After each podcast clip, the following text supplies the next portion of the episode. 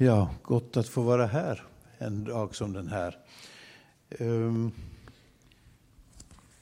som Hanna sa, det har varit ganska vad ska vi säga, fullspäckade månader vi har fått vara i Finland den här gången. Och spännande månader, spännande tid. Vi är tacksamma för det. Men eh, nu är det dags att åka tillbaka för en ny period som ser ut att bli vår kortaste period. För snart kommer pensionen emot. Ehm, men det är så, sådant livet är. Ehm, säkert vet många vem vi är och vad vi gör, men kanske är det någon som inte riktigt har koll på. Och för att lite ge en uppdatering så tänkte jag ändå lite kort presentera eh, vad vi gör. Vi arbetar ju i första hand med IBRA. De där känner ni igen, förutom han bakom som stack upp huvudet. Ehm, vi jobbar med IBRA som är vad ska vi säga, pingstmissionens redskap för att göra lärjungar och plantera församlingar i länder som vi kanske räknar som slutna. Men vi vet att det alltid finns öppna hjärtan, även om det till synes ser stängt ut. Ehm, Ibra jobbar också med media som redskap för att göra lärjungar. Så det har varit vårt uppdrag i alla dessa år. Eh, nästa år blir det 50 år sedan jag började med Ibra. Det låter nästan skrämmande att säga det. Och i 40 år har vi hållit på tillsammans med Hanna. Eh, nästa. Ja. Nästa bild kan vi ta där då.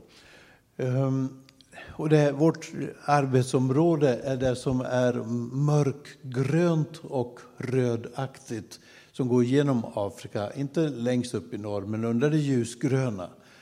Det här bandet som går tvärs över Afrika och ner längs med östkusten.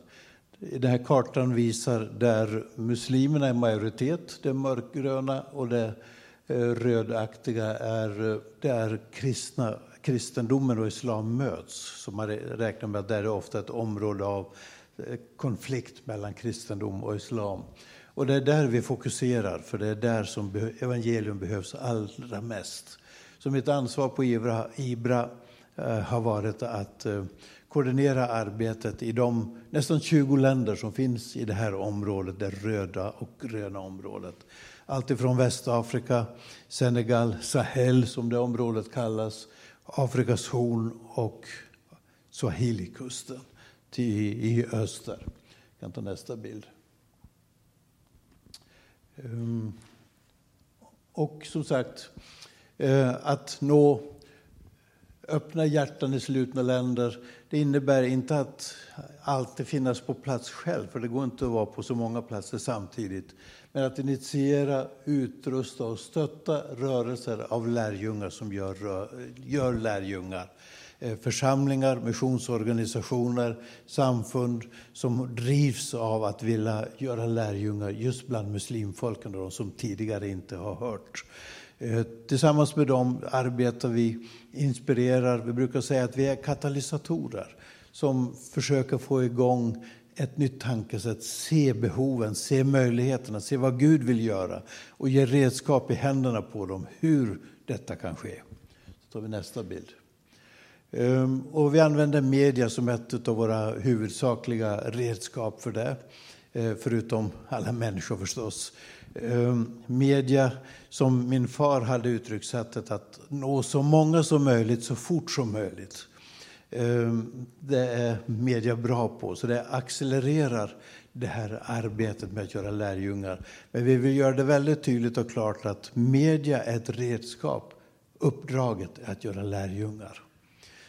Då är nästa bild. Och för att göra det här tydligt för oss själva, vad är det vi vill se hända, så har vi eh, jobbat fram något som vi kallar för lärjungaresan.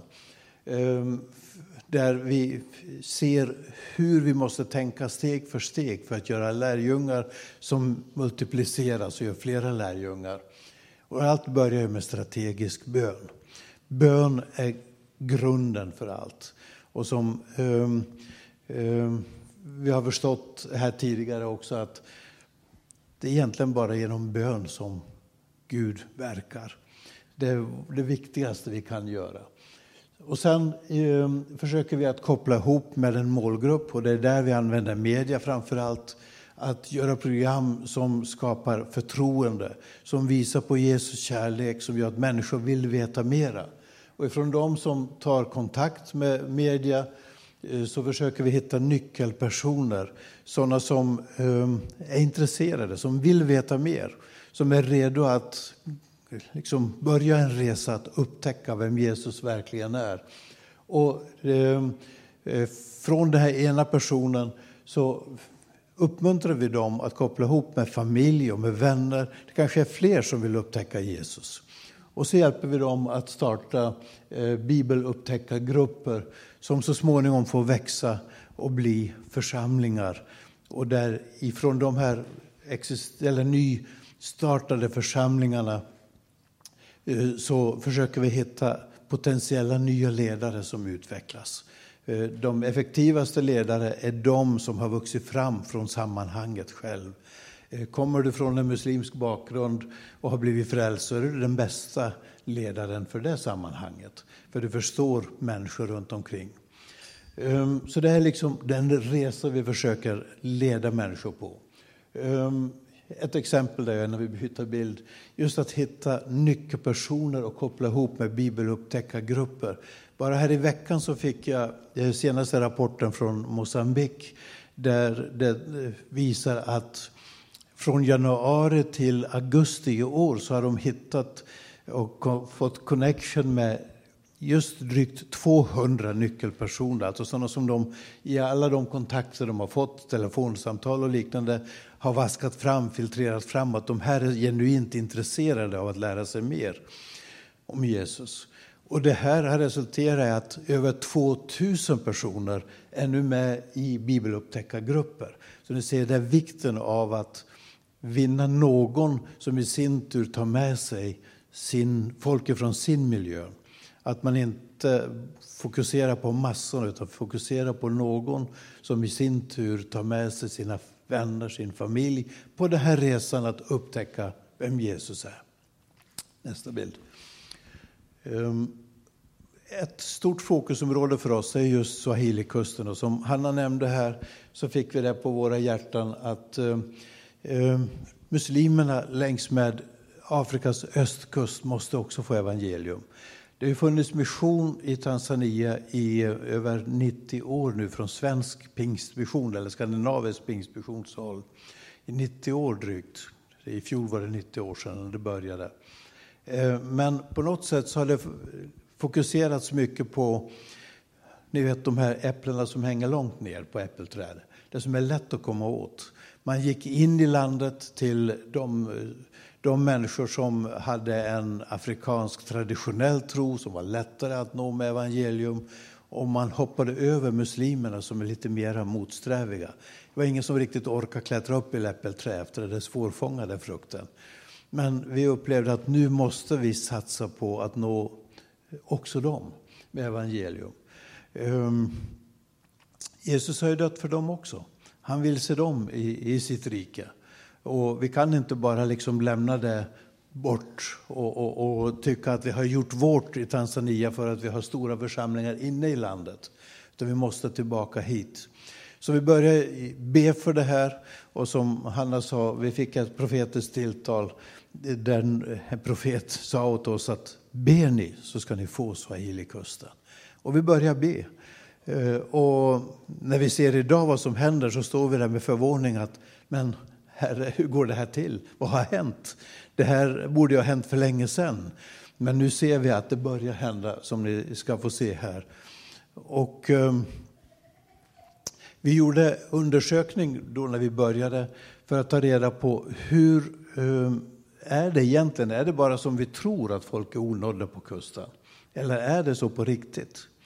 Så först gjorde vi en undersökning där vi frågade vi skickar runt en person med ett frågeformulär och pratar med alla församlingsföreståndare han kunde hitta längs med kusten i Tanzania. Från alla samfund, inte bara pings utan alla samfund. Och frågade dem hur många som var från lokalbefolkningen och hur många som var från inlandet i deras församling.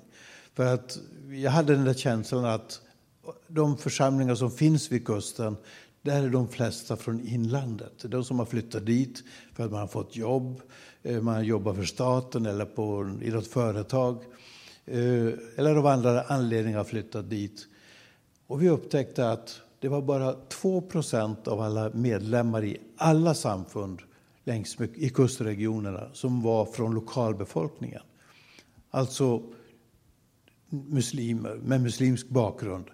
90 procent, kanske mer av befolkningen i samhällena var muslimer. Men bara 2 procent i församlingarna i snitt var från den bakgrunden. Resten var inflyttade. Och när vi frågade hur många har en strategi för att nå muslimerna runt omkring er, alltså samhället runt omkring, så var det två församlingar utav 300 som överhuvudtaget hade tänkt på den frågan och hade en strategi. Så då insåg vi att här måste vi göra något. Senare gjorde vi en, ny, en annan research från en annan vinkel för att ta reda på var finns det överhuvudtaget församlingar och var finns det inte. Och vi konstaterade att i 85 procent av alla byar och samhällen, städer och byar och samhällen i kustregionerna, 85 procent saknar helt kyrka. Det finns ingen kyrka av något slag. Så vi ser att det här är ett stort behov. Och som Hanna sa, Swahilikusten räknar vi inte bara Tanzania utan också Somalia, Kenya, Tanzania och norra Mosambik. Och där finns totalt bortåt 40 miljoner muslimer. Nästa bild. Ta ett exempel från Mosambik. Den här bilden är från en resa som Benjamin och jag gjorde till Mosambik i fjol. Och, um, vi, det var söndag, vi skulle besöka en, ett par nyplanterade församlingar som vi hade hört om genom vårt radioteam att de hade varit med och planterat två nya församlingar som vi skulle besöka. Det var flera församlingar man hade planterat men vi hann inte med mer än två på en söndag. Ehm, så vi gav oss iväg i en bil och hade kört ganska långt på guppiga och eländiga vägar när han som är ansvarig för vårt uppföljningsarbete bankade på biltaket. Han satt på flaket på pickuppen för vi var så många så han rymdes inte i hytten. Så han bankade där att stanna, stanna. Chauffören stannade och där stod det här gänget bredvid vägen. Och han sa, det här är människor som samlas för att upptäcka Bibeln. Så vi började prata med dem, konstatera att de är från Moani-folket, en folkgrupp som är nästan 100 procent muslimer. När vi började våra radiosändningar i norra Mosambik, i staden Pemba, så kunde vi inte ens hitta en troende Moani som kunde bli radioproducent. Vi fick börja med en muslimsk kvinna som var villig att tala där de andra i teamet som var frälsta eh, bad henne att framföra som budskap. Nu är hon frälst, men när hon började så var hon inte ens troende, men hon var villig att föra fram budskapet. Här träffar vi alltså folk från Moani-folket. Så jag blev lite nyfiken på att, vad, vad, hur, hur, står det till, hur gör ni? Och de berättade att de eh, samlades med den här lilla blåa grejen som damen håller där. Det är en liten radioapparat som är soldriven och kan ta in bara en radiostation, vår radiostation förstås. Och så kan man lyssna på Bibeln på det här språket där. Man kan bläddra fram och tillbaka och bläddra fram det kapitel man vill lyssna på eh, som, som ljud, Bibel helt enkelt. För väldigt många moani kan inte läsa eller skriva. Väldigt få som har haft förmånen att gå i skola. Ehm, så när vi hade pratat en stund så måste jag ju fråga, i vetskap att det här är muslimer, så måste jag fråga, vem är Jesus för dig? Fråga rakt upp och ner till det här gänget. Och då, mannen i hatten där, han var äldst och hade lite förtalan som man får göra när man är äldst i Afrika. Eh, han blev och hackade lite på den där frågan. Han hade inte riktigt något svar. Så grabben som står till höger om kvinnan där, han steg fram och sa, ja men Jesus är Guds son, sa han. Han dog på korset för våra synder. Och jag tar emot honom. Han är min frälsare. Frimodigt, kort och gott, rakt evangelium, sa han. Och då sa den här kvinnan där, hon sa, ja men så är det ju för alla oss, eller hur? Så, ja, stämde allihop in, ett femtontal personer var de ungefär. och så slutar hon med att säga, och han med hatten, honom får vi förlåta, han har varit med oss bara två veckor så han lär sig nog snart vem Jesus är. um, fråga vidare att hur många är ni där i ert flyktingläger? De kom från ett flyktingläger för det är ju oroligt i norra Mosambik. Det är islamister som härjar där. Ehm, så att de hade fått fly eh, från sin vanliga by till ett flyktingläger inåt landet. Så jag frågade, hur många är ni där som samlas för att upptäcka Bibeln? Och efter lite resonemang med varandra så sa de, vi har åtminstone 400. Och då bara slog det mig liksom så här, som är någonting hårt i pannan. Wow! 400 moani, muslimer, upptäcker Bibeln tillsammans varje vecka. Vad kan inte Gud göra då? Och då tackar jag till och med Gud för islamisterna som hade fört dem inom hörhåll för vår radiostation. för att annars bodde de långt borta dit inte vår station nådde. Så märkligt fungerar Gud. Nästa bild. Um, bara en liten närbild på den här lilla apparaten som de använder. Som vi genom folks generositet har kunnat, ja vid det här laget tror jag att vi har fått ner nästan ja, det är drygt 2000 sådana här apparater. Och de ropar efter fler.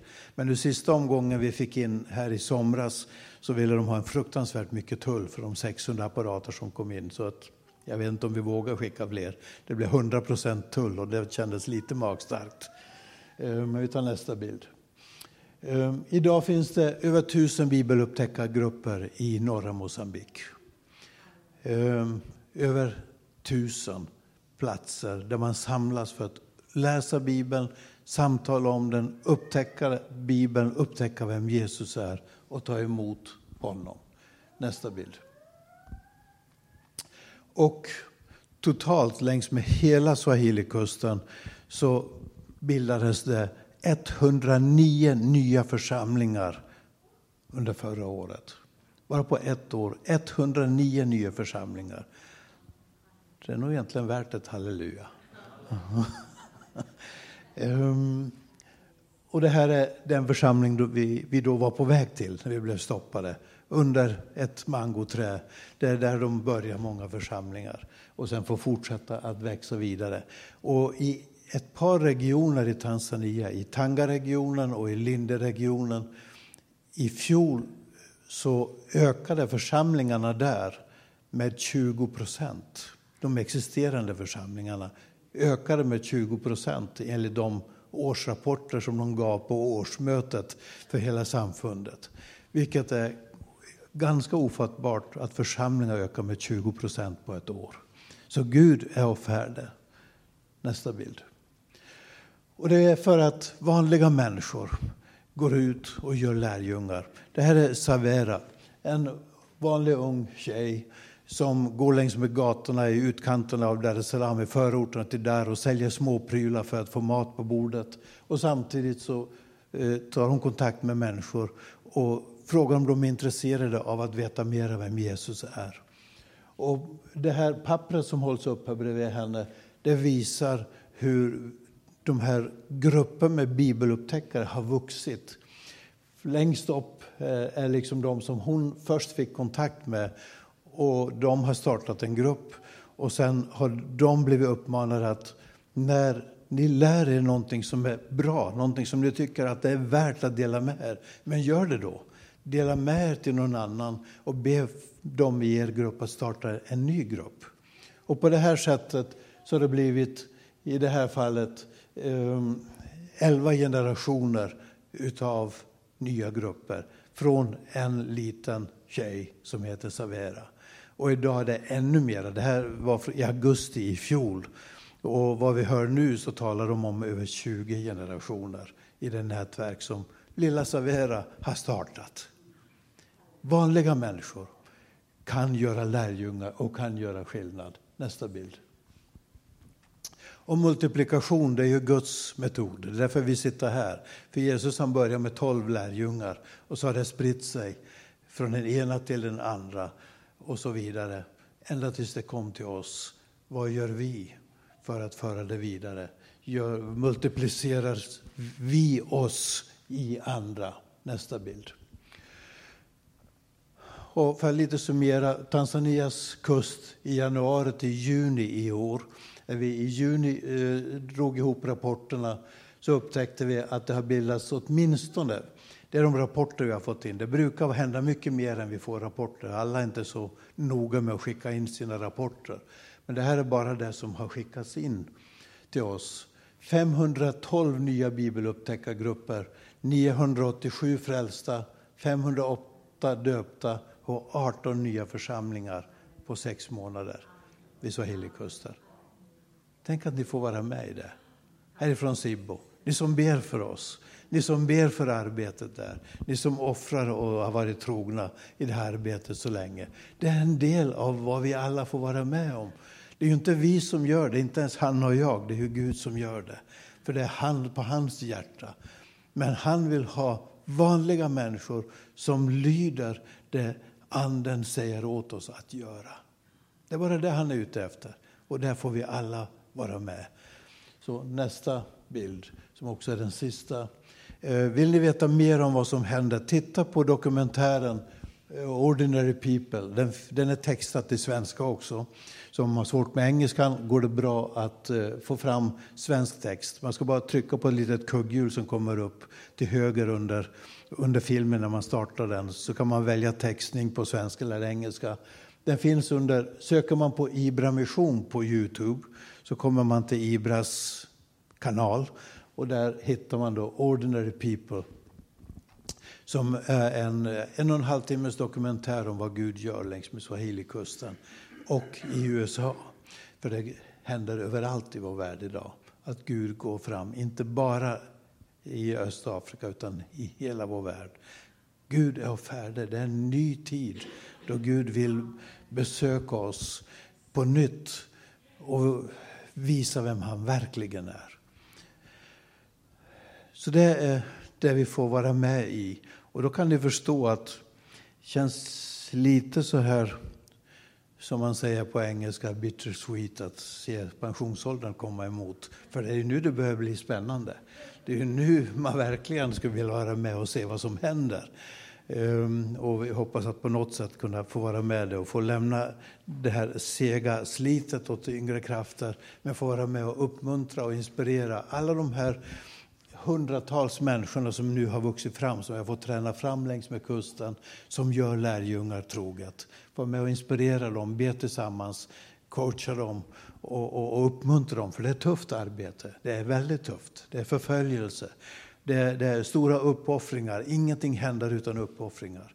En del möter enormt motstånd och förföljelse också i det här arbetet. Så be, be för dem.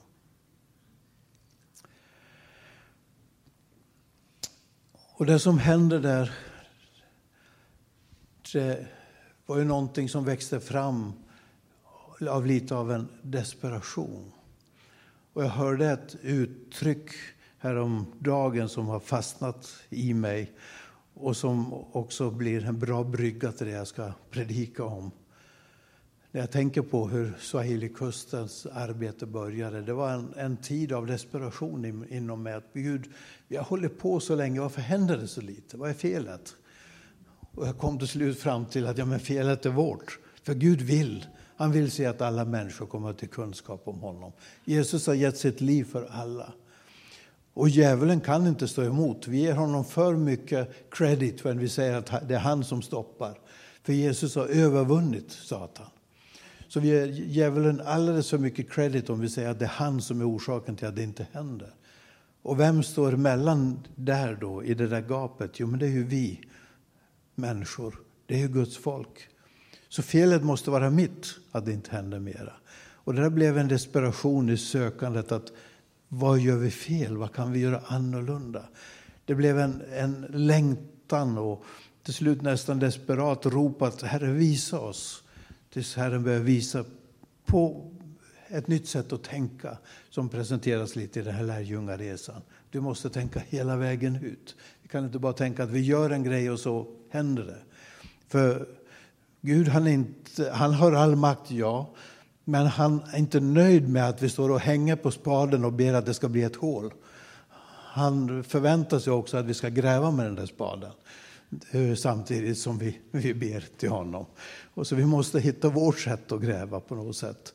Och vi måste bli tillräckligt desperata. Och det är när, när desperationen övervinner fruktan som det börjar hända saker. Ofta hålls vi tillbaka av fruktan, av rädsla för det okända, av det som är nytt. Det är det som stoppar oss från att, från att gå vidare. För vi är rädda för att, ja, men vi vet inte om det blir om vi förändrar någonting. Vad händer då? Och ofta så måste vi ge upp någonting för att få någonting nytt. Men när desperationen blir tillräckligt stark så tvingar den undan fruktan och då vågar vi göra någonting och då gör Herren någonting. Och det är också mitt tema för mitt budskap idag. Är vi hungriga efter Kristus? Är vi tillräckligt desperata efter att lära känna honom? Eller är vi nöjda som det är? Hunger är ju bra. För det är ett tecken på att vi mår bra. Det är ett tecken på hälsa. Den som inte är hungrig är i allmänhet sjuk. Eh, den som är hungrig och som är så där riktigt ordentligt hungrig efter att ha, inte ha fått mat på ett tag är ju frisk. Och hungern är till för att bli stillad. Hur är det med vår andliga hunger? Hur är det med vår hunger efter att lära känna Jesus? Det har liksom varit ett tema härifrån början att Jesus är ju centrum. Jesus är centrum för vår tro. Jesus är centrum varför vi samlas. Det är ju liksom kärnan i allting. Men hur mycket annat håller vi inte på med istället för att verkligen desperat söka lära känna Jesus för den han verkligen är. Sen finns risken att vi, vi istället för att söka Jesus för den han är, söker honom för det han gör för mig. Och det är ju inte heller rätt. Han är inte min springpojke. Jesus är inte någon som är bra bara att ha när det blir kämpigt. Jo, han är bra då också. Men vi söker honom först och främst för den han är. För att han är Guds son. För att han har gett sitt liv för mina synder. För att han uppstod igen. För att han har övervunnit Satans makt. Därför så söker vi honom, lära känna honom, för att han sitter på Faderns högra sida idag och det är han som regerar. Ehm, det är ju det det handlar om. Och hur desperata, hur hungriga är vi efter att få lära känna honom. Jesus själv säger ju att det är bra att vara hungrig. I Lukas 6 och 21 så säger han, saliga är ni som som nu hungrar, ni ska bli mättade. Och i Johannes 6.35 så säger han, jag är livets bröd. Den som kommer till mig ska aldrig hungra och den som tror på mig ska aldrig någonsin törsta. Så vi ser att till och med Jesus själv är inne på det, att det är nyttigt att vara hungrig och mättaren finns hos honom. Men hur håller vi då hungern vid liv? Ehm, jag menar, hur blir man hungrig? För vi kanske är lite så här dästa och lite nöjda i våra, i våra församlingar idag. Tycker att ja, men vi har det rätt så bra. Eller hur? Men hur blir man riktigt hungrig efter Jesus? Hunger kan man likna vid nyfikenhet också. Man börjar undra då, var finns det mat? Och kommer du in i ett hem och känner doften av mat, ja, då blir du ännu hungrigare. Eller hur? Och då dras du dit. Du bara sug, jag menar, vart du än har tänkt gå i huset så dras du till köket.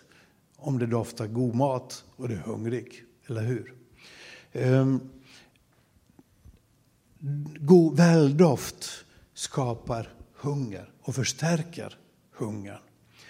Så att vårt uppdrag som individer och som församling är att skapa väldoft. så att både vi själva och människor i vår omgivning vill veta mera, vill dras till, vill söka vem Jesus verkligen är. Ehm, och hur skapar vi då den här väldoften? Ja, men det är framförallt genom att lära känna Jesus bättre. Och var lär vi känna honom? Jo, men det är ju i ordet. Det är ju i ordet vi lär känna honom. Att läsa om honom i ordet och reflektera över det. Och så där på allvar um, ja, gräva ner sig i bibelverserna. Han och jag började, med, i samband med att vi började med det här principerna, så började vi med det att vi, vi, vi inte hade bara våra vanliga morgonandakter hemma som vi har haft sedan vi gifte oss, utan vi började med att resonera kring ordet varje morgon när vi läste det. Ta lite mindre munsbit som man orkar med att resonera om och liksom fundera, vad säger det här egentligen? Vad, vad, vad, lär vi oss här idag? Och det har ju gjort att ja, man blir mer och mer kär i Jesus ju mer man läser på det här sättet. Och upptäcker hur fantastisk och hur stor han är. Bara som ett exempel så vill jag läsa ifrån, eh, först, ifrån Kolosserbrevet kapitel 1 och verserna 13 till 20. Vi kunde ju läsa hur många ord som helst om Jesus och vem han är. Och vi kunde eh, gräva ner oss hur djupt som helst. Det här ordet som jag läser nu kommer vi inte ha tid att gräva ner oss i så mycket. Men lyssna bara noga vad det säger och försök tänka till. Vad säger det här egentligen om Jesus? Vi läser så här, Kolosserbrevet 1 och vers 13. Han, alltså Gud, har frälst oss från mörkrets välde och fört oss in i sin älskade Sons rike, alltså in i Jesu rike. I honom, alltså i Jesus, är vi friköpta och har fått förlåtelse för våra synder. Han är den osynlige Gudens avbild, förstfödd före allt skapat. Ty i honom skapades allt i himlen och på jorden, det synliga och det osynliga, tronförstar och herradömen, makter och väldigheter. Allt är skapat genom honom och till honom. Han är till före allting och allt består genom honom. Han är huvudet för sin kropp, församlingen. Han är begynnelsen, den förstfödde från de döda, för att han i allt skulle vara den främste. Ty Gud beslöt att låta hela fullheten bo i honom och genom honom försona allt med sig. Och sedan han skapat frid i kraft av blodet på hans kors, frid genom honom både på jorden och i himlen.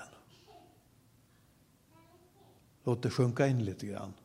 Vad säger det om Jesus? Är det inte någonting ofattbart stort, den Jesus vi tror på? Det, liksom, det går inte att ta in allt vad det står om Jesus här. Att det är genom honom som vi är friköpta från mörkrets välde och satta i Guds, i Jesu, Guds sons rike. Vi är friköpta och fått förlåtelse för våra synder. Ja, det har vi hört och det gläds vi över. Men att han också är den osynlige Gudens avbild, förstfödd före allt skapat. Jesus fanns till före allt skapat och allting skapades genom honom och till honom. Alltså det tillhör Jesus, allt som är skapat. Han var till för allting och allt består genom honom. Det finns till genom honom. Är inte en sådan Jesus värd att prisas, att upphöjas, att lovas? Är det inte så? En sådan Jesus som, ja, han är allt och i allt. Han är begynnelsen och till och med den förstfödda från döden, som det står här. Ty Gud beslöt att låta hela fullheten bo i honom. Allt vad vi ser är ett styckverk, det är bara bitar utav någonting. Men fullheten är Jesus Kristus. Det är honom vi tror på, det är honom vi tillber, det är honom vi samlas kring när vi samlas så här. Och det, det måste bli någonting som blir den här hungern, den här längtan i oss att få lära känna honom bättre. Jag menar, de här verserna bara gör ju att jag vill läsa mera. Jag vill förstå mera. Vem är han egentligen? Och vem, vad, vad, vad, ja, hur stor är han egentligen? För det är oändligt. Det finns så mycket att förstå och lära sig. Så det första sättet att skapa eh, väldoft så att människor börjar hungra, det är att inspirera att läsa Bibeln, att för, för oss själva att skapa den där hungern. Börja läsa Bibeln med ögonen. Vem är Jesus? Och ju mer man börjar med det, desto mer hungrigare blir man och vill veta, för det doftar gott. Det doftar gott det man får lära sig om honom. Och i, vårt, i våra församlingar, i våra sammanhang, lyfta fram Jesus. Vi predikar så mycket bra predikningar i våra kyrkor. Men hur mycket predikar vi Jesus? Ehm, hur mycket predikar vi honom? Och, och, och vem han verkligen är. Ehm, det andra sättet att skapa väldoft det är att dela vittnesbördet om honom. Dela med oss vad, vad vi hör, vad han gör.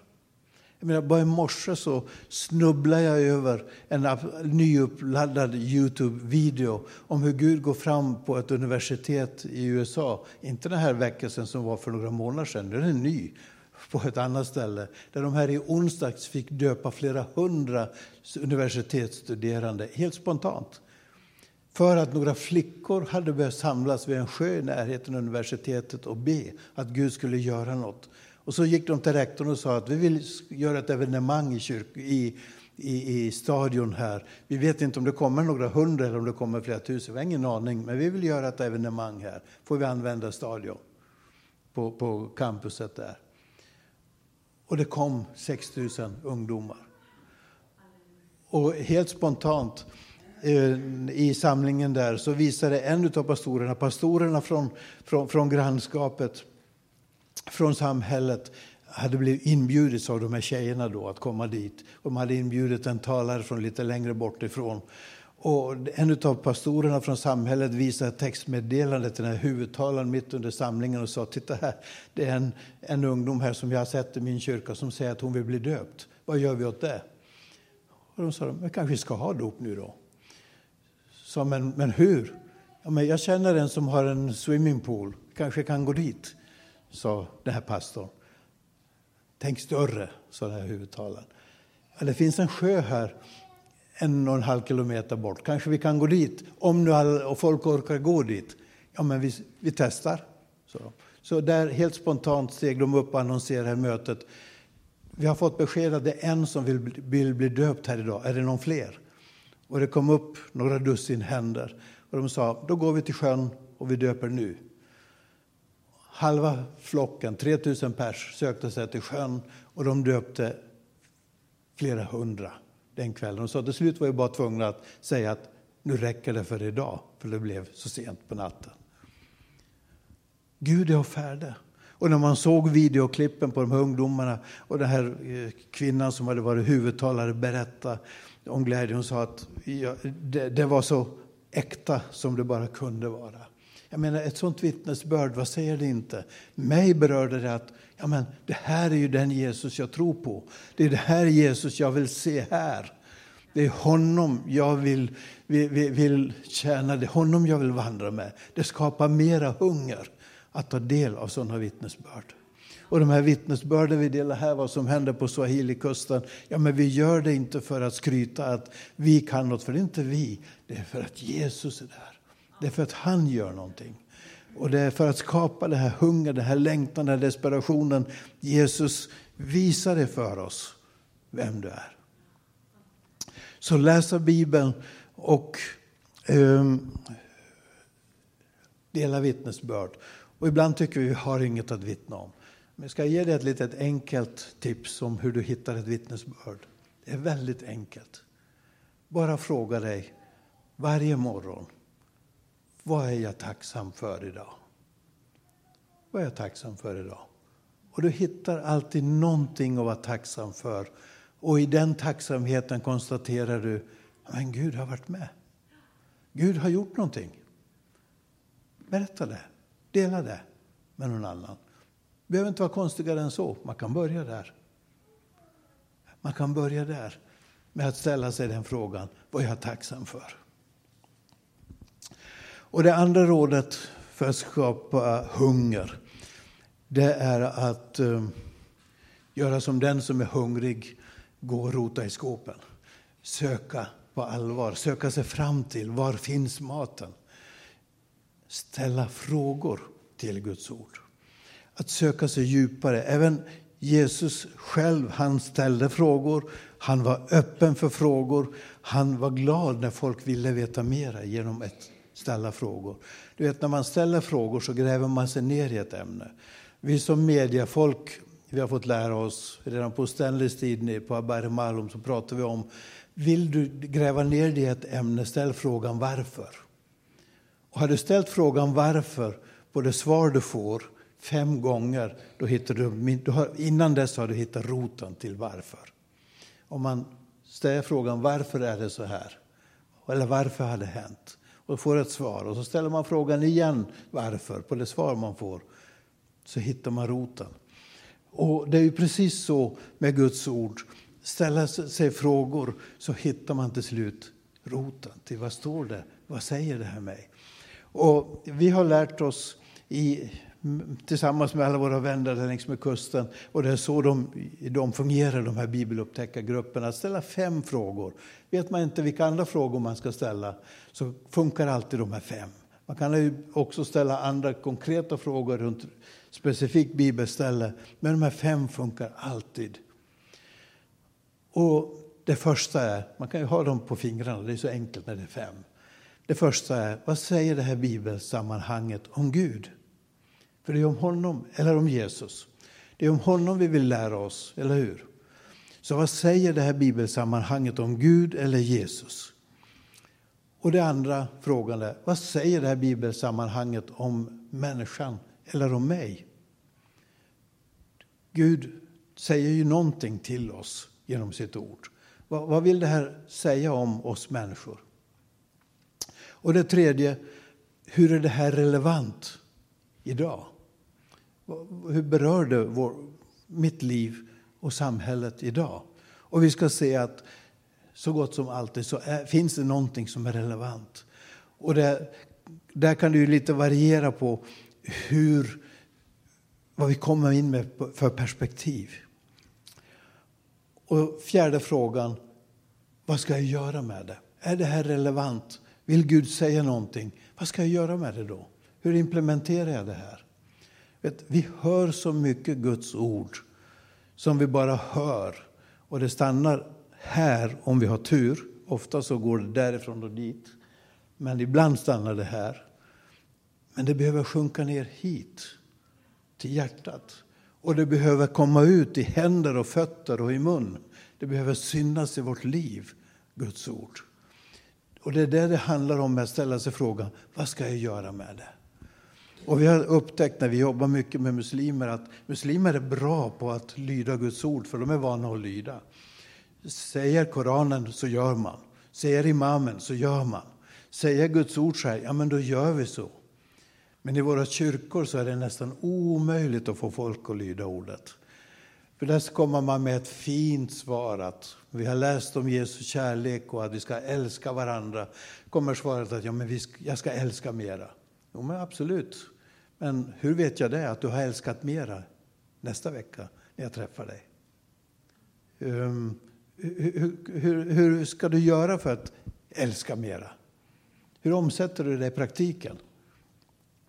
Ja, men jag ska bjuda in, jag har tänkt på min granne som ser ut att vara så ensam. Jag ska bjuda in henne på kaffe på tisdag. Ja, där har du det. Så enkelt kan det vara. Det behöver inte vara märkvärdigare än så. Men att bli konkret.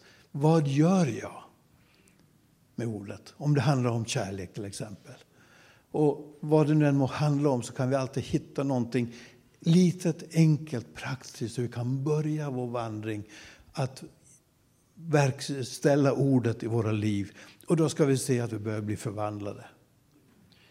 Inte för att jag är någon perfekt människa, men när vi hade hållit på att upptäcka Bibeln tillsammans och resonera så här kring ordet med Hanna i en tid, vi gick igenom hela Bibeln faktiskt på det sättet. Och när vi hade gått ett varv runt, nu är vi inne på andra varvet, så, så, så, så sa jag åt Hanna, men vad har det här gjort? Hur, vad, vad, vad händer?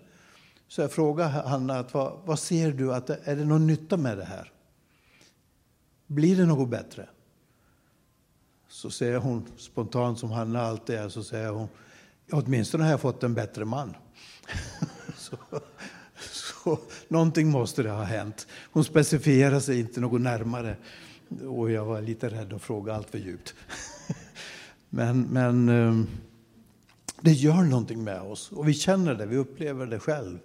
Att, att det händer någonting. Kanske inga dramatiska högtflygande grejer, men över tid så händer det någonting när man gräver ner sig i ordet. Sista frågan, vem ska jag dela det med? Var det här bra så behöver ju någon annan få höra det. Så fem enkla frågor. Vad säger det här bibelstället om Gud? Vad säger det om människan? Är det relevant? Vad ska jag göra med det? Och vem ska jag dela det med? Enkelt. Vem som helst kan göra det. Och jag kan lova, börjar man upptäcka Bibeln så, framförallt om man fokuserar på ord om Jesus, så blir man bara hungrigare och hungrigare. Man vill veta mer och mer, för man upptäcker att det här är spännande. Det här öppnar ett nytt perspektiv. Sista och tredje rådet för att skapa aptit. Det predikas mänskligt sett väldigt mycket idag. Ut och motionera. Gör av med energi så vill du ha energi. Och det var precis också vad Jesus gjorde. Eh, han skickade ut sina lärjungar på en motionsrunda. Ehm, när han, eh, vi känner ju till ordet så väl i Matteus 28, så därför läser jag idag från Markus evangeliet samma befallning som han ger till sina lärjungar i Markus 16 och verserna från vers 15. Där han säger så här. Och han sa till dem, gå ut i hela världen och predika evangelium för hela skapelsen. Den som tror och blir döpt ska bli frälst, men den som inte tror ska bli fördömd. Tecken ska följa dem som tror detta. I mitt namn ska de driva ut onda andar. De ska tala med nya tungor. De ska ta ormar i händerna och, de, och om de dricker något dödligt gift ska det inte skada dem. De ska lägga händerna på de sjuka och de ska bli friska. Sedan Herren Jesus hade talat till dem blev han upptagen till himlen och satte sig på Guds högra sida. Och de gick ut och predikade överallt och Herren verkade tillsammans med dem och bekräftade ordet genom de tecken som åtföljde det. Ut och dela med oss vad vi har lärt oss om Jesus. Och han lovar att under och tecken ska följa i fotspåren. Och när det sker under och tecken, när människor kommer till tro och vi får se att det händer, ja men då skapar det ännu mera hunger. Vi vill veta ännu mer av vem han är. Och det skapar hunger hos människor runt omkring. Det blir en rörelse, det blir en våg mot Kristus. Och det är ju det vi vill se. Så mitt enkla budskap idag är, är vi desperata, är vi hungriga efter att lära känna Jesus Kristus? Och hur skapar vi den här hungern? Hur, hur gör vi för att inspirera, motivera varandra att söka oss närmare Jesus Kristus? För det är bara då det börjar hända någonting. Det är bara då som vi verkligen får uppleva förändring. Så om Jesus verkligen är Herre och Guds ord verkligen får vara i centrum och vara en auktoritet i våra liv. Vad blir då annorlunda och vad gör vi annorlunda? Det är det som är den lite skrämmande frågan. Och det är där som jag kommer tillbaka till det här börja att desperation driver ut rädslan. Det där annorlunda är vi lite rädda för. Vi är rädda för förändring. Eh, det, är naturligt för människan att vara rädd för det annorlunda. Men när vi blir tillräckligt desperata, tillräckligt ivriga, tillräckligt hungriga efter Jesus så är vi villiga att pröva nytt, göra annorlunda. Att eh, göra som de gjorde på universitetet i USA. Normalt så gör man väl kanske inte så att man får ett sms och säger okej, okay, ska vi ha dop ikväll? Ja, men man gjorde det och fick se början på en väckelse. Det händer nu. Det händer nu. Och det är inte bara i Afrika, det händer i USA. Vi hör om det på andra håll också, där det börjar, där det börjar röra på sig. I muslimvärlden, i arabländerna händer det fantastiska saker just nu. Det, Guds församling växer procentuellt sett snabbast i världen i Saudiarabien just nu. I Saudiarabien. Det ska man inte tro. Det är om man räknar procent, för de är inte så många så det ökar med många procent varje år.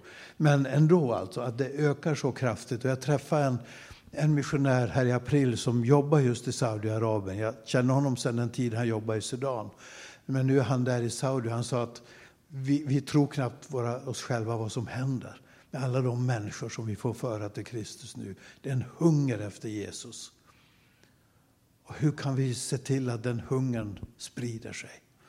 Att den sprider sig, att den blir realitet och att människor får känna väldoften av Jesus här, mitt ibland oss och dras till oss. Köket, där, där väldoften sprids ifrån. Vad Gud hjälpa oss. Och med den här, som ni kanske lite förstod ifrån Hannas vittnesbörd här också när vi började. Det är med den här längtan vi får tillbaka nu igen till Tanzania. Jesus, visa dig som den du är. Jag vill veta. Jag vill att du ska bli synlig. Jag vill att det ska, att det ska hända mera. Och jag vill att det ska bli som vi läser i Markus eh, 16 och i vers 20 här och de gick ut och predikade överallt. Och Herren verkade tillsammans med dem och bekräftade ordet genom de tecken som åtföljde det. När ordet går ut om Jesus Kristus så bekräftas det med tecken och under utav små och stora slag. Vi vill se mer av det. Jag vill se mer av det mitt ibland oss, vare sig vi är i Finland eller i Afrika. Och jag tror att det också är din längtan.